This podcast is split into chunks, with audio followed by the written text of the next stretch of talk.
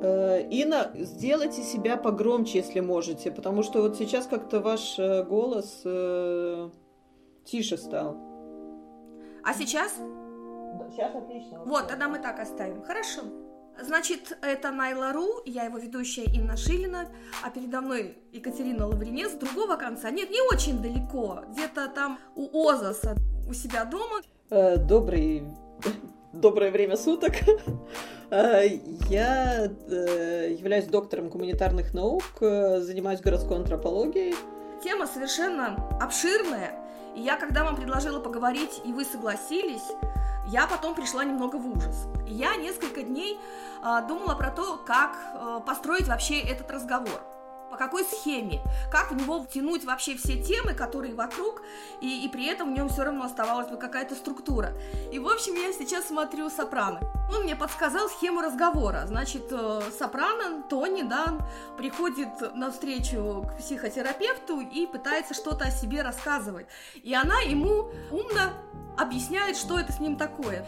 И я тогда подумала, что, собственно говоря, чтобы использовать вашу наблюдательность, а, вашу профессиональную подготовку и вообще все вот эти темы, которые возникают, я подумала, что надо устроить такой разговор а, в кабинете у урбаниста. Знаете, это я вот вас дополню. Ну, с одной стороны, конечно, там Вуди Аллен очень любит вот этот вот э, такой замес, когда дело происходит у э, э психотерапевта. Но мне периодически самой приходится шутить, э, что у каждого виленчанина, жителя развивающегося, интенсивно развивающегося города, крупного города, должен быть собственный архитектор, который будет отвечать на все болезненные вопросы.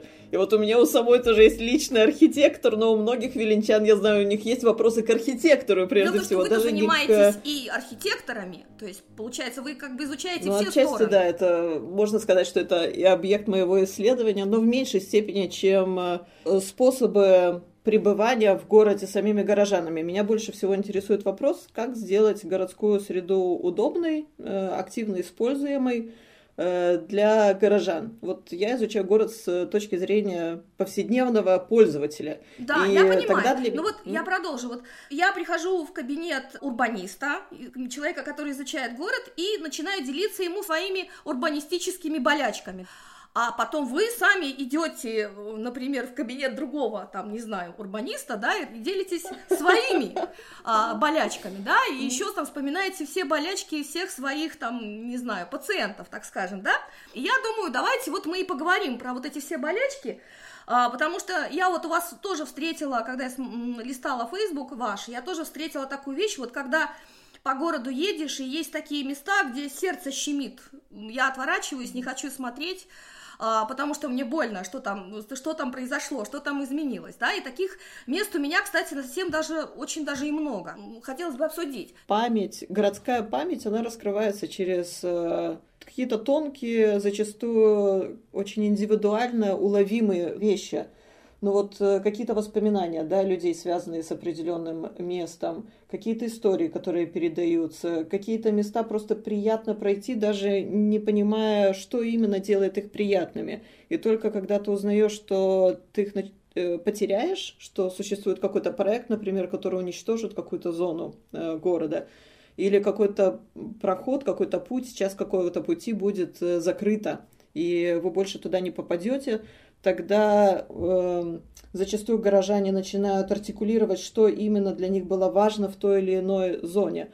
Мы вообще пользуемся городом как э, такие вот э, как бы слепые чтецы э, города. Наше тело читает городскую среду. Вот если мы говорим о повседневных э, жителях, мы привыкаем к этой среде э, и вот проходим ее как, ну, некоторые урбанисты говорят, как какой-то синтаксис, да, вот структуру предложения – и какие-то части этого синтакса удобны для, не, для нас, какие-то менее удобны, но очень важно вот эта вот составляющая ментальная. Вот Кевин Линч, такой урбанист, э, в 60-х годах он э, написал ключевую книгу для понимания города с точки зрения э, пользователя городскими пространствами. Она называется The Image of the City или образ города, городской образ. Это вообще книга, которую должен прочитать каждый урбанист. Я считаю, что и архитектор тоже. И в ней он говорит о ментальных картах, о том, что то, как мы проходим город, зависит в большей степени от того, вот какой образ, э, образом города мы обладаем. И вот эти эмоциональные составляющие, какие-то воспоминания, нарративы, истории городские, они могут определять наше отношение с городом. Вот. Но, к сожалению, конечно, в такой вот э, официальной э, э, практике планирования городов только последнее время постепенно начинает проникать понимание о том, что когда проектируются те или иные места, когда планируется развитие города, необходимо уделять внимание вот этим как бы индивидуальным вещам. На самом деле они не индивидуальные. То есть если мы... Ну, можно применять различные методы, которые позволяют нам узнать, каким образом горожане ощущают себя, проходя те или иные места э, в городах. Этим занимались и ситуационисты, в 70-х годах до них занимались э, сюрреалисты, устраивая прогулки, городские прогулки по городской местности, фиксируя ну, вот какие-то свои реакции на городскую среду. Существует метод карт, э, ментальных карт, когда ты просишь людей, которые пользуются определенными маршрутами, эти маршруты нарисовать, рассказать о своих маршрутах. И зачастую оказывается, что если ты обладаешь возможностью собрать большой массив информации о том, как э, ощущают себя э, жители того или иного района или постоянные пользователи тем или иным маршрутом, то оказывается, что их личное вот состояние, связанное с тем или иным местом, они как-то совпадают. То есть можно говорить о таком интерсубъективном, интерсубъектном качестве этих мест. Вот то, что кажется тебе личным, на самом деле может быть э, переведена в плоскость э, диалога и в конце концов может даже быть э, ну, переведена в какие-то вот объективные решения. Понятно, что это не должно быть связано только с личной какой-то историей, с личными ассоциациями, но вот наше тело и то, как мы себя ощущаем в определенных местах, это достаточно универсальная вещь, потому что мы обладаем теми же телесными способностями. Поэтому вот какие-то природные, скажем, зоны в городе, мы на них откликаемся как природные существа, мы о них, на них откликаемся, даже не зачастую не фиксируя этого как-то сознательно, э, очень схожим образом. Тоже начинала думать, что меня, что больше всего меня тревожит, когда, например, вот осуществился какой-то новый проект. Например, снесли какой-то старый дом. Чаще всего вокруг был сад и низкий дом. И людям, которые жили вокруг, это было пространство, незаполненное пространство. Когда снесли дом и построили вместо него трех-четырехэтажное здание, и вырубили все деревья вокруг, и, естественно, улетели все птицы, и люди получили только бетон и тень. И таких ситуаций, в принципе, много. Например, в одном такая ситуация была со мной лично. Мы жили на Жвериносе 10 лет в старом деревянном доме. Это еще постройка польских там времен. Это была какая-то, видимо, э, летняя резиденция. И, в общем, и там был такой интересный дом, знаете, такой, а, с одной стороны, все нормально, а другой вот такой со скошенной стеной. Как мне объясняли, это от пожаров. То есть это такая тоже урбанистическая деталь, очень интересная. И, собственно говоря, она давала ценность этому дому. А еще а, он был двухэтажный, на нем были а, трехметровые потолки. И если на первом этаже жили люди более богатые, то они там уже сделали много ремонтов. Там, в принципе, аутентичности дома практически ничего не осталось. А на втором этаже, видимо, нет. Поэтому там ремонта, в принципе, не было. И там сохранилась а, старинная лестница, там сохранились керамические включатели, выключатели. Когда мы там какую-то половицу хотели починить, там были квадратные гвозди. И, в общем, этот дом, вот он был уникальный, вот такими вот простыми вещами. Но дело в том, что за советское время он тоже оброс совершенно новой жизнью. Там, в конце концов, э, поселилась какая-то женщина, биолог, э, она ученая, как мне объясняли, и она со всего мира, э, ей привозили, или сама, сама куда-то ездила, она обсадила весь этот, всю территорию этого дома, обсадила различными кустами, даже не цветами, а всякими редкими кустами. И все эти кусты цвели в разное время. А, и я помню, это еще были времена Зокоса, еще до этого, я помню, горели, на Жвериносе горело много домов. Этот дом, он был жилой, в нем жили на первом и втором этаже, он сдавался. А владельцы этого дома, в общем, они хотели снести этот старый деревянный дом вместе с его сараями. И сначала пришла одна комиссия, и она сказала, что это все-таки наследие. Потом через месяца два пришла другая комиссия. И они так уже сильно не заходили уже к нам. Если первая комиссия зашла, все щупала, все смотрела, то, особенно на второй этаж, то вторая комиссия уже в дом не заходила. И они его назвали хозпостройкой, потому что он был построен внутри двора. Остальные все дома рядом были построены у дороги. И, в общем, получили разрешение на снос дома и его снесли. Весь этот сад вычистили. А, построили огромный дом у дороги. Нет ни сада, нет ни птиц, нет солнца. Ваша история, она тут столько измерений э, в себе заключает. Ну вот, э, с одной стороны, вот наличие каких-то пространств, которые обладают и многослойной историей, и той вот такой милой материальной составляющей, какие-то детали в них есть, которые со временем жители приручают, они начинают рассказывать истории об этих э, местах, и эти места становятся эмоционально важными, но также они очень э, человечны. Вот человеческий масштаб – это очень э, важная категория в городских исследованиях, в урбанистике современной – потому что город, он должен быть соизмерим человеку. А что значит быть соизмеримым человеку? Это не только вот э, в физическом, конечно, плане, когда вы чувствуете комфорт э, благодаря тому, что расстояние между объектов в городе комфортное для вашего тела и вашего масштаба, который небольшой, то есть многоэтажные дома, которые э, максимально застраивая участок, максимально придвинуты к тротуарам, они будут восприниматься как некомфортные, как э, даже угрожающие э, зоны.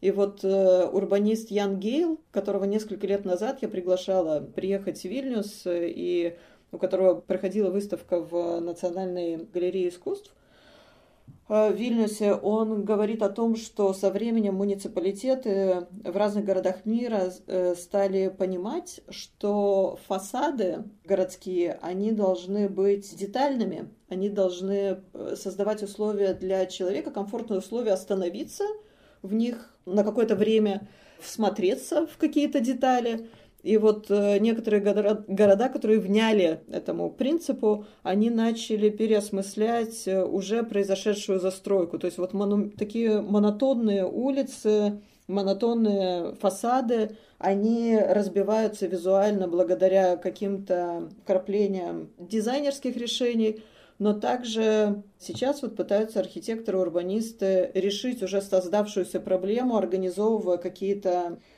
небольшие места для того, чтобы горожане просто могли ну, какое-то время побыть около того или иного места. Ну, там скамейки, какие-то зеленые зоны появляются и так далее. Но некоторые места, они просто безвозвратно э, теряются. То есть, если застройка слишком плотная, то возможности каким-то образом ее очеловечить в будущем будут очень ограничены ну, в течение ближайших 50 лет. Вот это очень обидно, что мы сейчас, как виленчане, являемся свидетелями того, как э, наш любимый город э, становится все более агрессивным по отношению к нам из-за застройки инициаторы, которые не принимают во внимание вот важность человеческого масштаба. То есть появляются узкие улицы, которые застроены очень высокими, ну, по сравнению с шириной этих улиц, э, домами. Говорится еще зачастую о застройке по периметру э, кварталов. Но что такое вот застройка по периметру? Это очень часто используемый аргумент архитекторами, что вот если, скажем, вот как по улице Жигимонту, Э, есть какая-то серия домов, и, скажем, одного дома нет, или там какая-то небольшая усадьба осталась, или, скажем, небольшой садик, то это выглядит как выбитый зуб в челюсти, в челюсти города. Но на что я отвечаю обычно, что если Э, мы воспринимаем здание как зубы, то, возможно, город является вообще ротовой полостью, какие-то странные метафоры, да? То есть вот если мы только с этой точки зрения подходим к застройке, не думая о том, а как себя будет чувствовать человек, которому надо будет день за день, днем проходить вот по этой улице. То есть э, раньше у него была возможность остановиться у какого-то там садика, возможно, была какая-то ну, хотя бы потенциал какой-то у этого места, что он будет, э, что это место станет открытым для горожан. Возможно, там могли оказаться какие-то скамейки, на которых можно было присесть отдохнуть. Но если вместо всего этого появляется очередное здание там на не очень приветливое по отношению к прохожим, то мы теряем очередное человеческое место. Вот, а другая еще штука, вы когда рассказывали про эти сады при домиках, это, конечно, вот э, Э, как же она называется по-русски, пригородный тип э, застройки, вот для которого свойственны эти сады, сады, которые еще развернуты зачастую к ну, дорогам. Это же гордость. Да, да, конечно. И мало того, что это гордость, это вот в историческом плане это очень важно. Вот э, то, что ты, современный житель города, можешь видеть различные слои городской истории и различные способы существования в этом городе, потому что у кого есть сад, тот может там растить себе какие-то фрукты, овощи, но вот это все напоминает, конечно, недавно э, перечитывала просто рассказы Чехова, и у него вот э, житель 19 века, горожанин, у которого постоянно рефреном идет вот такая ностальгия по садам. Вот эти уходящие сады в предместьях, э, даже не городские сады, а сады в предместьях. Вот вообще для горожанина свойственно романтизировать природу и городскую природу. Именно горожанин, он будет убиваться по поводу того, что мы теряем вот эти зеленые зоны. И вообще тут можно говорить, конечно, о разных типах горожан, потому что вообще вот э, э, теперешнее развитие города, оно происходит в напряжении между различными позициями. Вот одну из позиций определяет то, что есть э, тип горожан, у которых нет настолько сильных связей с деревней или с каким-то местом, куда они могут из города периодически убежать. Для нас, такого типа горожан, которые уже ну, во многих поколениях живут в городах, у нас нет деревни как место побега из города. И это значит, что мы будем свою городскую среду ну, воспринимать как единственное место, которое должно быть комфортным для нас. Если в вашем мышлении существует какое-то вот место побега периодического, скажем, вы на выходные э, периодически уезжаете в деревню или в маленький городок или куда-нибудь к морю, э, то городская жизнь для вас будет каким-то таким временным событием, и вы будете его чередовать с комфортным пребыванием где-то на природе. И вот у этого типа горожан как раз э, зачастую вот появляется ликование по поводу там э, наращивания бетона и асфальта в городах, э, стеклянных э, небоскребов и так далее. Для тех горожан, которым некуда бежать, скорее это будет такая болезненная вещь, и ну вот, это, вот этот именно тип горожан он будет искать. Так значит, нам мэра города нужно выбирать по так, таким анкетным данным, проводит ли он выходные в городе и как часто он остается в городе летом, да, на выходные в хорошую Вы знаете, погоду. для меня абс- а, абсолютно все стало на свои места, когда я узнала, что главный архитектор города Вильнюса а, живет э, за Вильнюсом. То есть в своем э, доме это значит, что для него важно ты сразу начинаешь понимать, для него важно проехать как можно быстрее от своего дома до э, рабочего места. Это значит, что город будет восприниматься скорее как э, место, которое проезжается на машине, на собственном транспорте,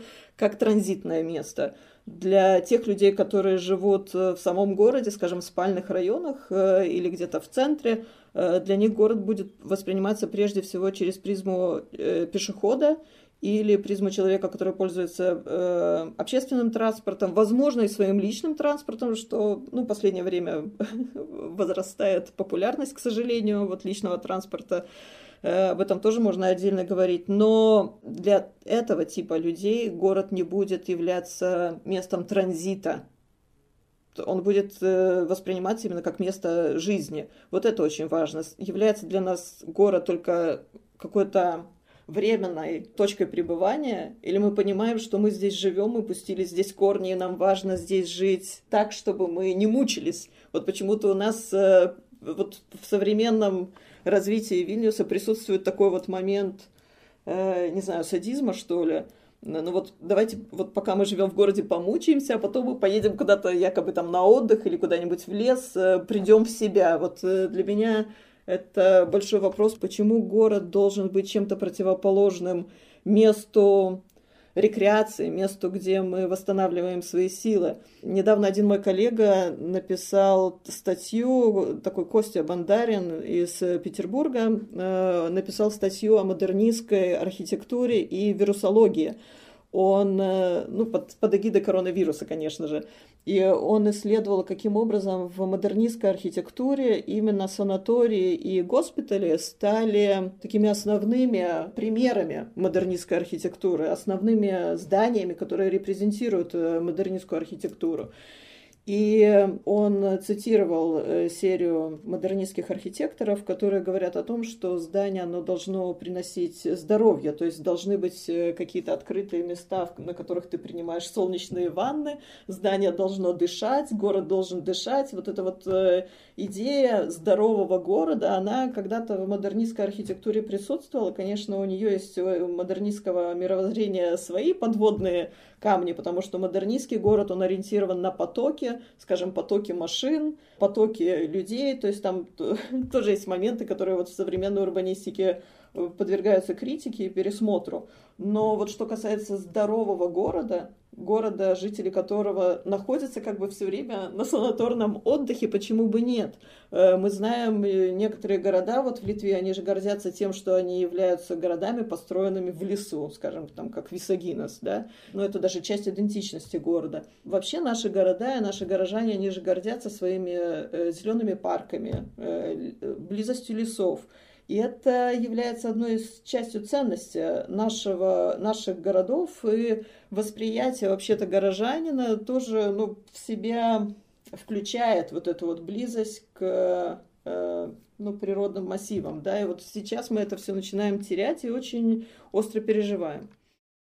И вот если говорить дальше про урбанистические болячки, еще одна моя урбанистическая болячка – это площадь Лукишки, во-первых, там шумно. Я помню, что когда была старая площадь, там был такой звуковой карман. То есть там, когда идешь, идешь из города, туда заходишь в эту площадь и вроде тихо.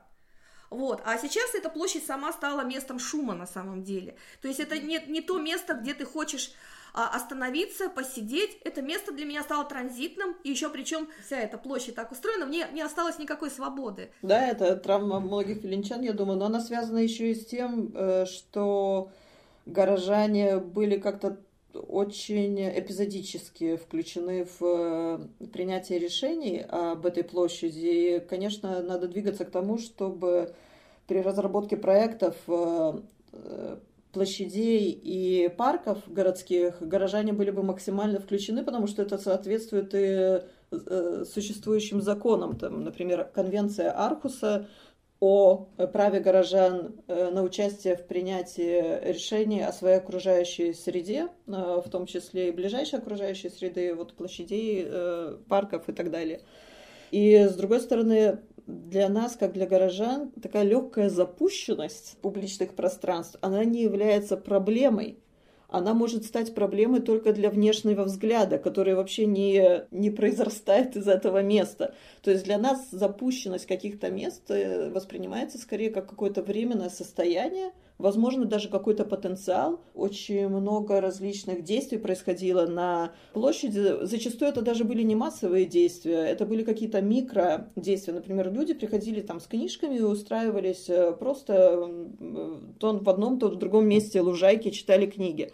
Вот сейчас, когда анализируешь, каким образом площадь функционирует э, после э, реконструкции, мы видим, что разбивка зеленых лугов на маленькие сегменты – она привнесла официоз в эти маленькие сегменты, и люди уже там не будут столь свободно себя чувствовать. Поэтому большинство жителей, пользователей этого места, они концентрируются под старыми деревьями, подальше от основной шумной э, дороги.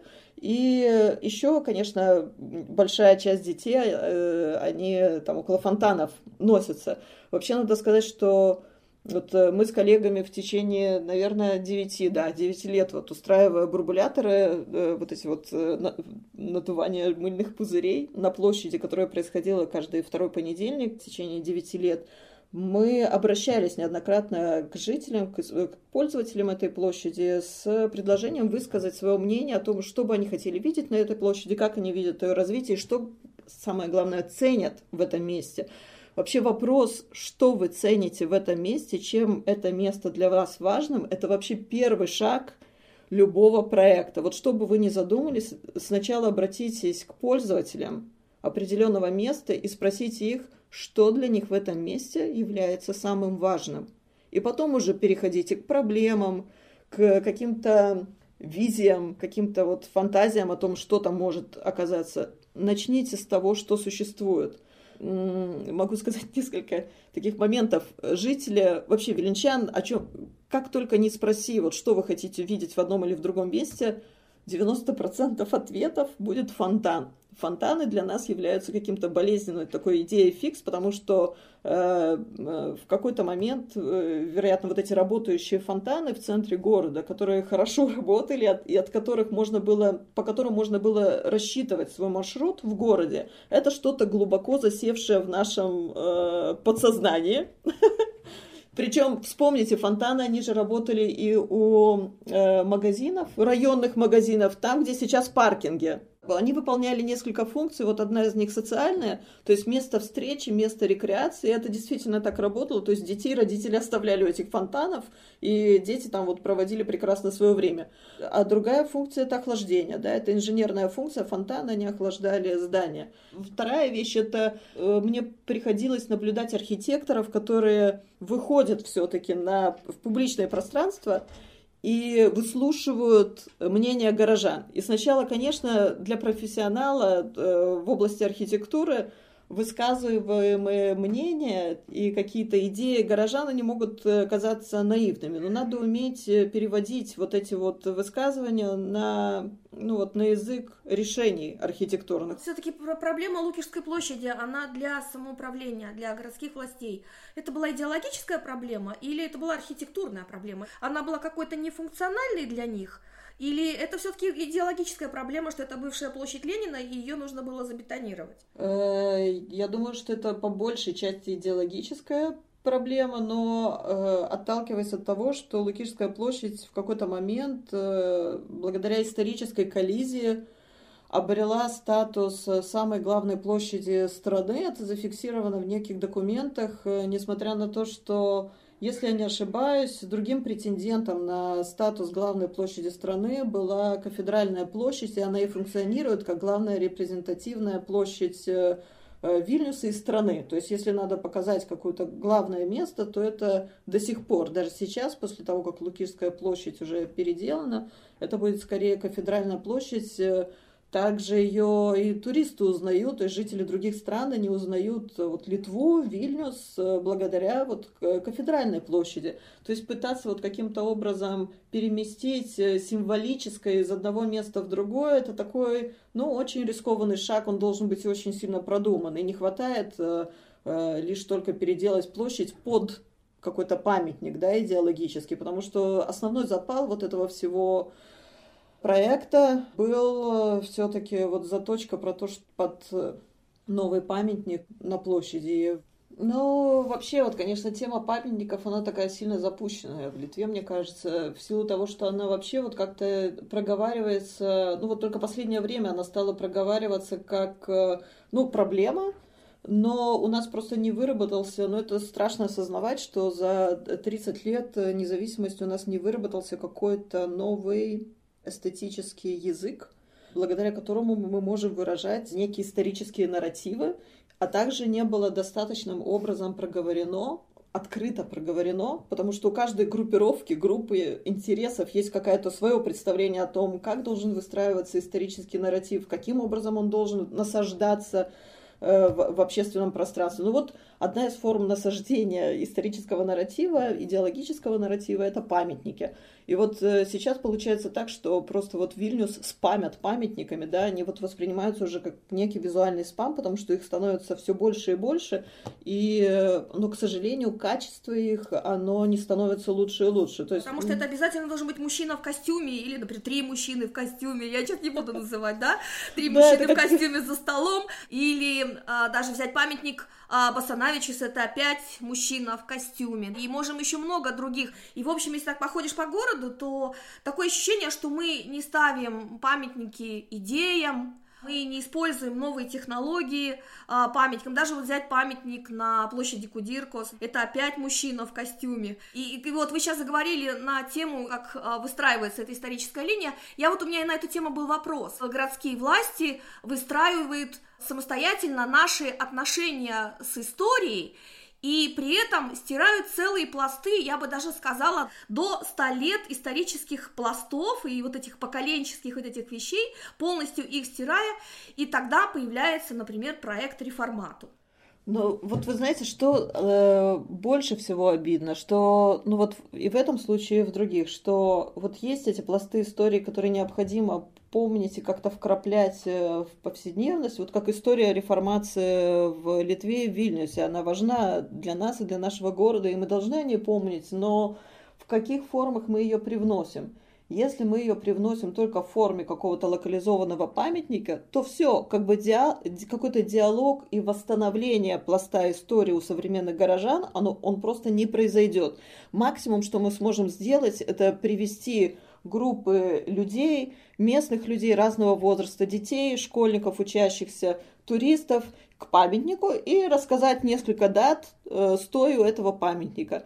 Э, мне, как антропологу и человеку, вот, который работает с э, публичными пространствами, очень обидно за то, что вот э, важные для нас э, исторические нарративы мы э, преподносим в таком примитивном виде, в такой примитивной форме. Мне кажется, что гораздо больше потенциала в себе заключают некие маршруты, какие-то сценарии, которые зовут нас, как пользователя общественных мест, публичных пространств, пройти какой-то маршрут. И проходя по этому маршруту, узнать много нового в виде каких-то вкраплений информации и далеко не обязательно каких-то информационных э, вот, типичных Ну да, и причем такие экскурсии ведь по городу проводятся, да, интерактивные, там вот эта идея да, королевства. Да, да, да, и они, они очень много интереса вызывают у горожан. Например, посмотрите, вот Дариус Пацявичу с Э, с его книгами, которые он э, выпускает, сколько они вызывают интересы у горожан. Или есть этот э, проект Gatvis Givos, который тоже собирает очень много горожан на различные экскурсии. Ну, вот я, я сама лично была там, ну, Шалом, Вильнюс, да, и это Вильнюс не по местам трагическим, а по местам жить, жизни евреев вильнюсских. Потом это там женщины Вильнюса, еще какие-то, да, собственно говоря, и, и ведь это же очень интересно, и это действительно да. запоминается. И главное, что люди после да, люди после того, как вот ходят на эти экскурсии, если эти истории зацепили, даже если нет каких-то памятников, которые указывают конкретно на вот э, какое-то событие, да, историческое, но сохранились места и какие-то детали. Вот вы в, в прежних э, э, высказываниях упоминали там эти вот квадратные гвозди, да, или какую-то вот материальность города. Вот эта материальность, возможность пощупать какие-то места, их прочувствовать, что-то вот, ну, вот этот дух впитать он очень важен для передачи нарратива, исторических нарративов э, о городе.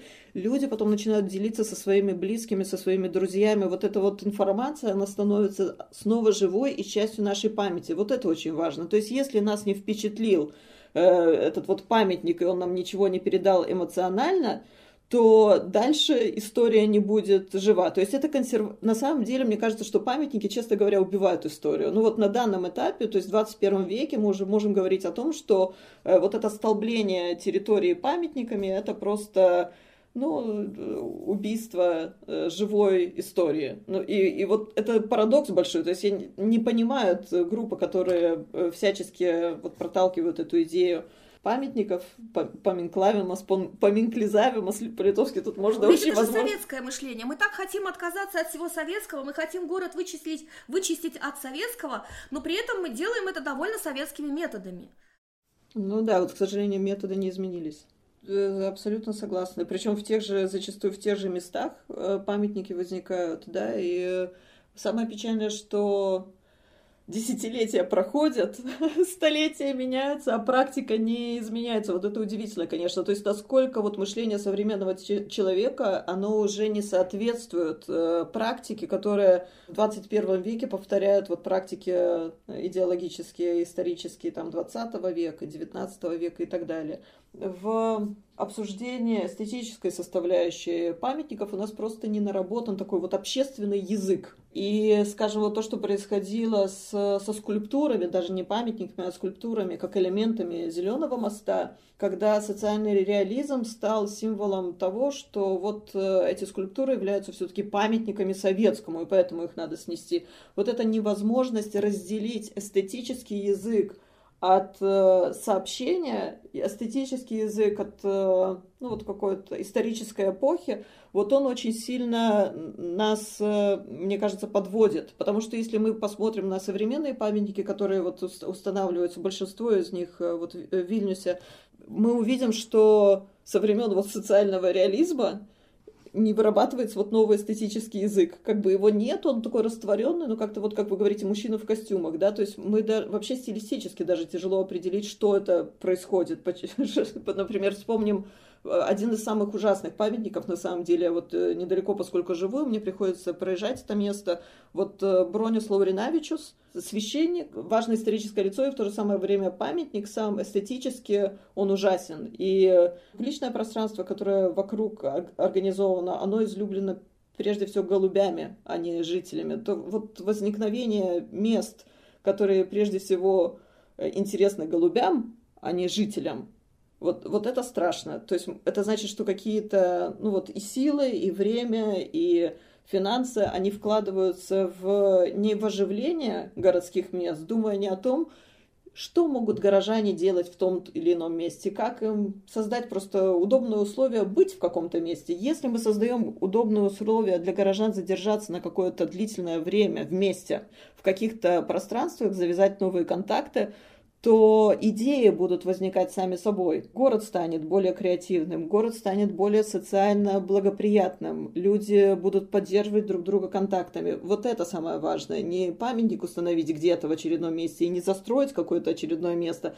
а думать о вот этой со- э, социальной культурной, креативной составляющей города. То есть город, который, ну вот, с одной стороны, застраивается новыми многоэтажками, плотно застраивается, и с другой стороны насаждаются вот памятники в публичных пространствах. Это вообще тупик, конечно, для городского развития. То есть тут такая деспирация появляется, отчаяние у вот горожан. еще вот про общественные пространства, которые использовались, например, вот если взять набережную, там когда-то была театральная арена, там а, был а, дворец спорта, там недалеко был стадион, да, и поход э, на какое-то мероприятие сопровождался тем, что ты шел или ехал в город, в центр города, и что когда ты выходил из мероприятия, с мероприятия, то ты опять прогуливался по набережной, ты видел э, центр города, ты как-то участвовал в его жизни таким образом. И это было большое событие.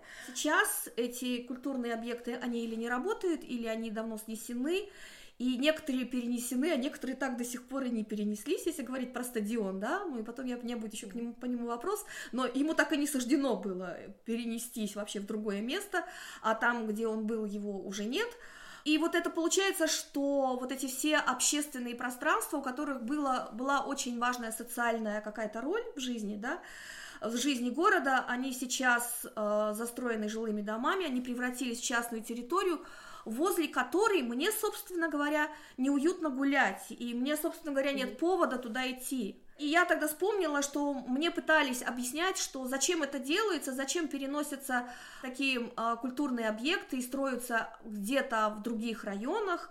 Во-первых, потому что там больше места, потому что там может быть большая парковка, а с другой стороны, потому что таким образом разбавляется жизнь того района, происходит перемешивание.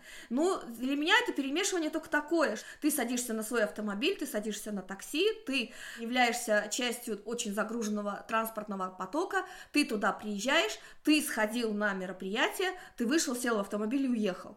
И все твое перемешивание, в принципе, вот оно к этому свелось. И сейчас вдруг подумала, что сама идея вот этого стадиона, который спроектировали и хотят построить, она из-за пандемии устарела что теперь, собственно говоря, строить огромный центр с библиотеками, с магазинами, со стадионом, клубами, детскими садами и школами, с одной вентиляцией и в одном месте, как-то уже и, не неумно. То есть получается, что, что новая ситуация совершенно уничтожила проект, который они так и не сумели, не сумели осуществить. Ну, его в конце концов, конечно, осуществят, потому что город э, это растущая машина, как, как говорил такой Харви Молоч, э, тоже исследователь.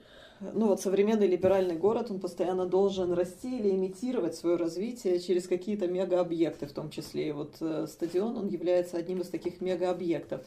Но вот, э, конечно, затрагивая этот вопрос карантина и каким образом меняется мышление города в условиях карантина, но вот э, доступность э, зеленых зон э, скорее выявил карантин, да, потому что люди, остающиеся дома, они все-таки позволяют себе выйти на природу, это правильно, это как бы инвестиция в наше здоровье, конечно, придерживаясь всех там дистанций и ну, не контактируя с другими людьми, но вот доступность зеленых зон в пределах прохождения пешком оказалась э, очень важным критерием для качества жизни горожан. Оно вообще и повседневно является очень важным э, критерием. А также вот компактное планирование. Это концепция, которая последние десятилетия ну, активно работает в современном урбанизме, в развитии городов. Это значит, означает она то, что все функции, которые вам нужны для качественной жизни, они должны быть в пределе доступности в вашем районе. Э, это значит, что и культурные, и социальные функции, ну, скажем, детские сады, поликлиники, а также какие-то культурные э, места культурного досуга – и места рекреации, а также места вот э, там соединения с природой, они тоже должны быть э, в доступности пешком и в доступности пешком для людей старшего возраста прежде всего. То есть планируя, ориенти району. И тогда оказывается, что вот есть э, э, ряд э, мест в Вильнюсе, где доступность зеленых пространств ограничена. Вот, скажем, те же Шнипешки, где я нахожусь, несмотря на то, что на карте мы можем посмотреть, что есть какие-то зеленые зоны вокруг, но эти зеленые зоны, они, с одной стороны, тонут в шуме автомобильных дорог. Ну, во время вот карантина, к счастью, виленчане поняли, что значит тихий город и насколько мы нам не хватает вот этой вот тишины городской. Вы уже затрагивали эту тему, но вот это правда, что городской шум, он последнее время очень растет, он уже зашкаливает, и просто мне кажется, что, скорее всего, если вот запросы надо, конечно, произвести, но он превышает э, нормы, от него начинаешь уставать. И вот мои студенты, которые делают э, исследования каждый год, уже в течение 10 лет, э, публичных пространств, последние 4 года, 5 лет – они указывают на то, что наше общественное пространство, площади, зеленое пространство э, зачастую некомфортно из-за шума. То есть ты находишься в сквере, и ты не можешь там расслабиться, потому что рядом шумит э, от дороги. То есть это ряд скверов, находящихся в центре города, э, это ряд зеленых зон э, недалеко от спальных районов. То есть вот то, что на карте будет выглядеть как зеленая зона, попав в нее, ты понимаешь, что ты находишься в э, больш... ну, как бы не... Э, у э, шумной дороги, и ты не чувствуешь леса вокруг, потому что ты слышишь все время автомобили.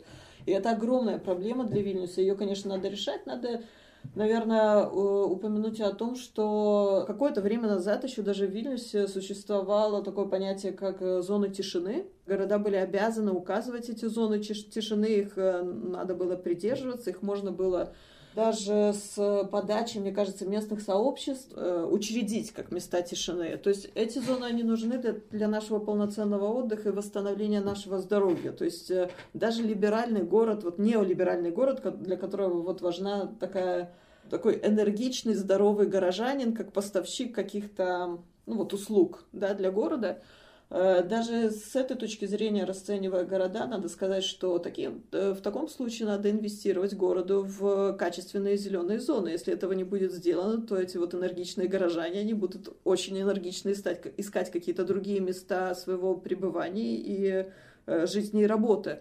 И вот город, который начинает пози позиционировать себя как место привлечения капитала, инвестиций и место для работы в офисах – он не должен забывать о том, что вообще он является местом не только для работы, но и для комфортной жизни. Наивно полагала, что после тех как скажем так, скандалов в социальных сетях по поводу вырубки деревьев, там, например, там, или в Каунасе, да, или у нас во дворах, что вот все вот пошумели, и вот самоуправление услышало, и дальше не будет рубить. А потом появляются новости, как продолжают рубить и рубят. И я вот думаю, а самоуправление оно здесь вообще никак не участвует в этой беседе про деревья. Оно обязано участвовать. Причем, знаете, что интересно, что э, закон, законодательно изменения э, таких вот больших каких-то изменений за это время не было. Но мы видим, что просто со временем устанавливается новая практика обращения с зелеными насаждениями в городе.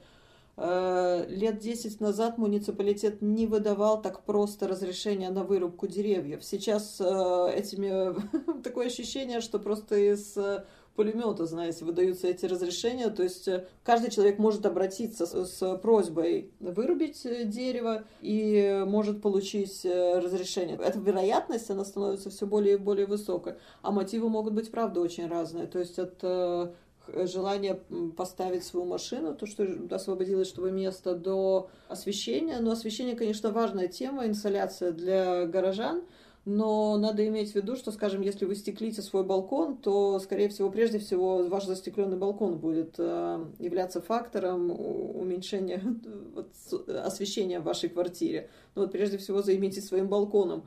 А вот э, что касается деревьев, то можно, конечно, здесь различные решения э, предпринимать. Это может быть обрезка ветвей, но было бы хорошо, чтобы это делали специалисты, а не просто коммунальные работники, которые зачастую занимаются обрезками деревьев. С одной стороны, и ухудшается продолжительность жизни дерева, с другой стороны, эстетически деревья при обрезке не должны терять своей эстетической формы, которая свойственна его виду. То есть, если вместо э, липы и, и обычной формы липы вы видите пальму, это значит, что были осуществлены грубые ошибки при обрезке дерева. Я сегодня смотрела, как вы гуляете по Шнипешке, с, а, там вот этот вот эпизод угу. на ЛРТ, да, да. и я просто вспомнила свои, у меня, мои детские впечатления. Я, когда мне было, я не помню, сколько мне было лет, ну, в общем, тихоря от мамы мы на велосипеде с другом довольно далеко заезжали. И угу. мы ездили по этому Шнипешке. И я помню, что мы там а, там, во-первых, были совершенно нормальные дороги в тот момент, потому да, что да. на велосипеде мы легко там ездили. Угу. А, то есть мы там в Колдобино да, не попадали. Там и сейчас все дети ездят на, при да, любых ну, мы тогда вообще комфортно ехали. И, и там а, все вот эти вот дворики, они были очень аккуратные, заборы все были покрашены, угу. а, сады были очень ухоженные. Вот я помню, вот так с велосипеда останавливаешься, поскольку ты чуть, на велосипеде чуть-чуть выше, ты дотягиваешься до каких-то других веток, а, вот, повыше, и, в общем, хватаешь там яблоко, хватаешь ягоды. Кто-то ругался из владельцев, кто-то на это смотрел совершенно дружелюбно.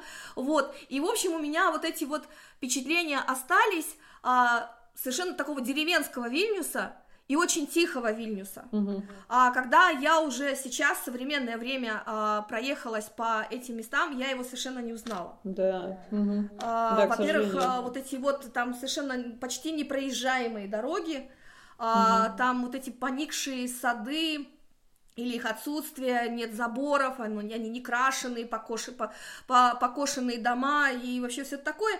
И я себя поймал на мысли, что ведь это все произошло буквально за, за 30 лет. Даже меньше, за меньшее время, там за лет, э, скажем, 15. Мы даже фиксируем, что за последние, там, скажем, три года ситуация ухудшилась. Ты, когда ты все время находишься в районе, то ты видишь, как со временем вот эта материальность, она просто исчезает из-за того, что активно застройка происходит, и эти деревянная архитектура, она просто не в состоянии ну, противостоять, да, она изнашивается гораздо быстрее. Вот. Ну, еще эти вибрации при стройке, они, конечно, тоже влияют. Вот, но вообще в Шнипешках до сих пор есть э, островки, жители которых очень присматривают за своими садами, они там всячески украшают свои заборы, домики. Но вот сейчас просто произошла реконструкция э, нескольких улиц Шнипешек, и при этой реконструкции не учитывалась вот э, вот эта зеленая составляющая района, очень много деревьев просто с, э, срубили и заборы снесли. То есть сейчас горожанам восстанавливают, по-моему, заборы, насколько я понимаю, от Юнайтисов, то, что вот слышала. Но ну, надо будет сейчас э, снова восстанавливать вот этот шарм э, э, пригородного района. Вот этот пригород вот в Жвериносе и в Шнипешках, это вот, э, конечно, очень такая завораживающая вещь. Города, конечно, у которых это вот присутствует, они должны э, гордиться своими бывшими пригородами, которые стали частью города, потому что, с одной стороны, это история, а с другой стороны, контраст урбанистический уникален. То есть мы вот с выставками о Шнипешках объездили несколько стран, в том числе и Китай, где представляли э, работы, связанные с э, нашей деятельностью в шнипешках. И, ну, очень большое внимание было к шнипешкам. То есть нас сами кураторы вот различных международных биеннале выставок звали к себе просто, чтобы мы показали район, рассказали об его, о его истории, какие-то материальные, вот, вот эта материальность района интересует, чтобы вот рассказали больше о ней. То есть интерес это вызывает повсеместный. Вот удивительно, что местные жители, вот жители Литвы, жители Вильнюса, далеко не все понимают, насколько это уникальный район. Сами жители Шнипешек это уже прекрасно отдают в этом отчет. То есть, э, если раньше по отношению к этому району формировалось такое негативное общественное мнение, и даже с ним отчасти соглашались и жители района, то последнее время они начали чувствовать гордость за свой район и понимать, что это уникальное место, особенно когда они видят поток э, вот, э, людей, интересующихся историей города, историей этого места, э, людей, представителей различных профессий, приезжающих из разных стран специально, чтобы посетить Шнипешки. То есть уже не в старый город, а в Шнипешки шли. И вот это удивительно, насколько мы глупо и так безрассудно просто отказываемся от этих мест. Вот что касается и Жвериноса, застройки его и Шнипешек. То есть Жверинос это тоже ведь своей собственной аурой обладающий район очень отличный от Шнипешек. И у каждого, и то, что у нас вот есть эти исторические районы со своей историей, со своей атмосферой, э, вот это еще атмосфера таких э, богатых э, деревянных домов, да, в которых долгое время тоже были какие-то мастерские художников в том числе, то есть еще и жители были, ну вот интересные жители в, в Жавериносе жили. Э, со своими историями, тоже биографическая составляющая интересная. Но вот, к сожалению, мы полностью ее утрачиваем. Ну, в Шнипешках тоже есть о чем говорить. Там улица Фино, скажем, да, вот. Э... Мы как-то очень много тем взяли. Я не знаю даже, как вы потом это все будете выстраивать в какую-то общую. Я просто вот вспомнила, что вот хороший был еще заход, когда вы говорили про эти культурные функции в различных э, районах. Там э, тоже есть одна такая хорошая вещь, вот я ее просто не сказала, потому что вы очень открытые, такие обширные темы открываете. И как-то не все э, структурируется у меня в голове. Э, я просто сейчас вспомнила, что то, о чем вы говорите, когда вот упоминаете культурные функции, их привнесение в различные районы, и о том, что пропадает со временем вот эта социальная составляющая при, скажем, кинотеатрах, которые перенесены в шопинг-центрах, или при аренах развлечений, которые приходят на смену концертным залам, которые ну, когда-то находились в центре города, да, сейчас э, переносятся на периферию. Я вспомнила, как э, несколько лет назад, тогда еще живой Витаутас Насвитис, архитектор, э, один из братьев архитекторов Насвитисов, он при обсуждении одного э, вильнюсского проекта предложил его авторам оставить место, как он говорит, оставьте место ну, для небольшой площадки перед э, зданием. Это будет очень по-вильнюски. И так заулыбался, значит, э, очень короткая была реплика. И вот благодаря его реплике я поняла, поскольку он и его брат очень активно участвовали в создании образа ну, модернистского Вильнюса, модернистской части э, города. Э, я поняла, почему нам так комфортно, как пользователям, находиться около различных театров, кафе, ресторанов, поскольку, поскольку рядом с ними появляются вот места для сборищ горожан. Ну, например, возьмем бывшее кафе, э, ну, бывшее кафе Неринга, которое сейчас реконструируется, поэтому не очень понятно, что там останется. Но вот у кафе Неринга все равно рядом с ним находилось э, какое-то место, где горожане, выйдя, могли еще кучковаться и между собой общаться. Скажем, если мы возьмем э, театры на площади Гидеминоса, тоже около этих театров будут места для сборища э, народа. То есть ты можешь поделиться впечатлениями после э, спектакля. Точно так же у кинотеатров тоже были предусмотрены места, или, по крайней мере, фойе, где э, можно было встретиться с другими людьми и поделиться своими впечатлениями. Вот эта составляющая часть э, городской жизни, она, к сожалению, уходит в небытие, э, с одной стороны, из-за того, что сейчас при застройке города застройщики стараются максимально застроить участок и не оставляют лишних метров для просто пользователей, ну вот, э, пользователей, для их удовольствия. Как бы все делается с очень прагматичным таким запалом. И с другой стороны, когда культурная функция становится составляющей коммерческих торговых центров или каких-то вот арен, жестяных арен, где вообще об эстетическом каком-то моменте невозможно говорить. Да, ты пришел послушать концерт, но ты находишься в каком-то э, громадном, не знаю, заводском как будто бы помещении. То есть э, нету этого эстетического наслаждения. То есть нету этого антуража. Просто рядом не предусмотрено никаких мест для того, чтобы люди продлили события. Вот потребность продлить культурное событие, поделившись впечатлениями с другими людьми окружающими, оно очень важно на самом деле. То есть, если мы посмотрим, как э, устраивались раньше кинотеатры и театры, это очень важный момент для культурной жизни. Если, если мы воспринимаем культурную жизнь только э, как покупку билета, просмотр сеанса и, и просто выход из... То есть культурная жизнь заканчивается вместе с фильмом, да, с титрами. Если мы так воспринимаем культурную жизнь, а именно так воспринимают те, кто продают билеты, э, э, то она у нас становится очень ограниченной. И вот э, действительно вот эта вот потребность поделиться впечатлениями, потребность поддержать какую-то социальность, встретить новых людей, она сейчас остается не исполненной. То есть ее ощущается ее нехватка.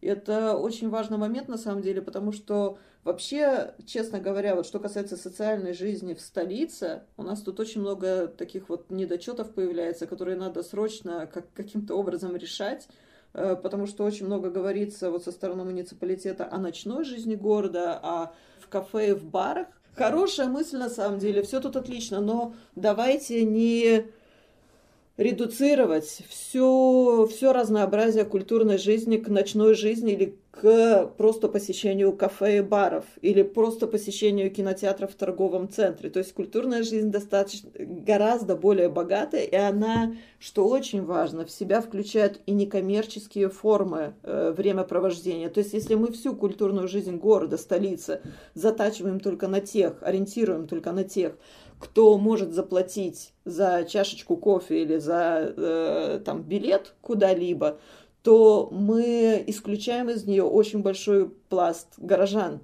мы же этого не хотим. То есть мы не хотим какой-то вот э, социальный, такого острого социального неравенства. Нам, наоборот, надо думать, каким образом культуру делать доступной. Когда мы говорим об открытых местах, мы имеем в виду не только отсутствие или наличие забора, мы имеем в виду и то, насколько людям комфортно организовать, скажем, пикник вот на той же Лукишской площади, о которой мы говорили. Э, у меня, у коллег из Японии есть э, такой критерий, который они принимают в отношении, применяют в отношении к публичным пространствам. Они говорят, если э, публичное пространство удобно для того, чтобы там организовать пикник с другими людьми, значит, это хорошо организованное публичное пространство. Чем, же, чем бы оно ни являлось, официальная площадь, сквер, парк и так далее, если вам удобно каким-то образом организовать это пространство под себя и провести там какое-то время с другими людьми, все, значит, оно отлично работает. Это значит, там комфортно, да, по многим параметрам. И там завязывается социальная жизнь. Вот социальность города – это же очень ну, важная его составляющая. Если мы все сидим по своим... Ну, понятное дело, сейчас у нас социальность, она ограничена в силу того, что мы сидим по своим квартирам, и то мы пытаемся каким-то образом это все решать. Вот э, благо есть э, все эти зумы, скайпы и так далее. Но этого явным э, способом не ну, явным образом не хватает, да, у нас эта потребность социальности, она растет, и в какой-то момент она начнет фонтанировать просто. Мне очень интересно, как вот эти первые дни, когда уже можно как-то выходить и контактировать, как они, как они будут э, работать и к каким формам мы придем. Но да, очень нужны инициативы, которые не коммерческие, которые устраиваются для всех горожан, которые включают в себя и сеньоров, э, не только молодежь, и не только родители с детьми. Это группы, которым достаточно много уделяется внимания в городе, но вот и людей, которые, возможно, не могут себе э, позволить каждый день ходить куда-то. Вот именно поэтому очень важно в, при различных проектах архитектурных – оставлять э, какие-то нетронутые места. То есть отсутствие официоза, оно может привлечь э, э, жителей, которые чувствуют себя, может, некомфортно, попадая в какие-то вот коммерческие зоны, да. То есть вот природные зоны, они открыты для всех, по идее, именно поэтому они должны быть доступны каждому. Хотя, конечно, в городском вот этом дискурсе очень проговаривается страх того, что если какая-то появляется зона, где комфортно сидеть каждому, то значит туда придут и люди, которых, которым не надо находиться в общественных э, местах, да, какие-то выпивающие люди, скажем, э, неопрятного вида. Но вот в урбанистике, в этом, э, в городских исследованиях э, э, на этот счет есть свое, э, своя установка, что если места активно посещаются разными группами горожан, если в них удобно быть каждому, то почему бы с одной стороны не включить туда каждого, а с другой стороны эти места они будут безопасными для каждого. То есть э, там не будет какого-то чувства такого неуютности или страха, они будут комфортны э, только из-за того, что в них присутствуют другие горожане, они будут заинтересованы в, тем, в том, чтобы эти места были ну, в хорошем состоянии. Вот эта вот доступность э, культ, ну, вот культуры, это вообще отдельная тема, она очень актуальна для Литвы сейчас, потому что даже вот я знаю, что сейчас Министерство Министерство культуры заказало какое-то очень дорогое исследование про как они формулируют, э, gyventojų pasitenkinimas культура, ну вот насколько жители удовлетворены культурой, но на самом деле это очень непроработанная тема, потому что культура до сих пор у нас воспринимается только как культура, вот, которая локализу... Э, локализуется в определенных э, институциях, там музей, скажем, кинотеатр, еще даже не кинотеатр, музей, скажем, там музей, галерея, театры. Вот куда финансирование распределяется. Но очень много вот есть культурных групп, организаций культурных, которые занимаются повседневной культурой в, в спальных районах. Это вообще могла бы быть отдельная тема, потому что здесь просто вот непочатый край, вообще меняя, поменять осознание того, вот что такое культура, где, как она вообще распределяется, каким образом она может быть доступна и как вот она меняется. Вот про эти вот, опять-таки, кинотеатры в шопинг-центрах и так далее. Вот насколько вообще наш досуг, э, он насыщен культурой. То есть я все время хожу по городу и думаю, боже, стыдно перед 19 веком. Вот то, как мы живем, я не понимаю, как мы живем. То есть реально стыдно перед 19 веком. Вот как бы формы развлечений раньше и сейчас, они вообще просто как небо и земля, конечно.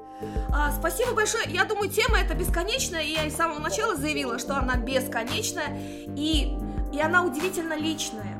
Я вас очень понимаю. Я точно да, и да, я да. У меня, говорю, вот у меня есть свой личный архитектор, которому я плачусь просто про все вот эти вот застройки. Это какой-то ужас, конечно. То есть, ну, нам каждому нужен вот отличный такой урбанистический терапевт. Нормально.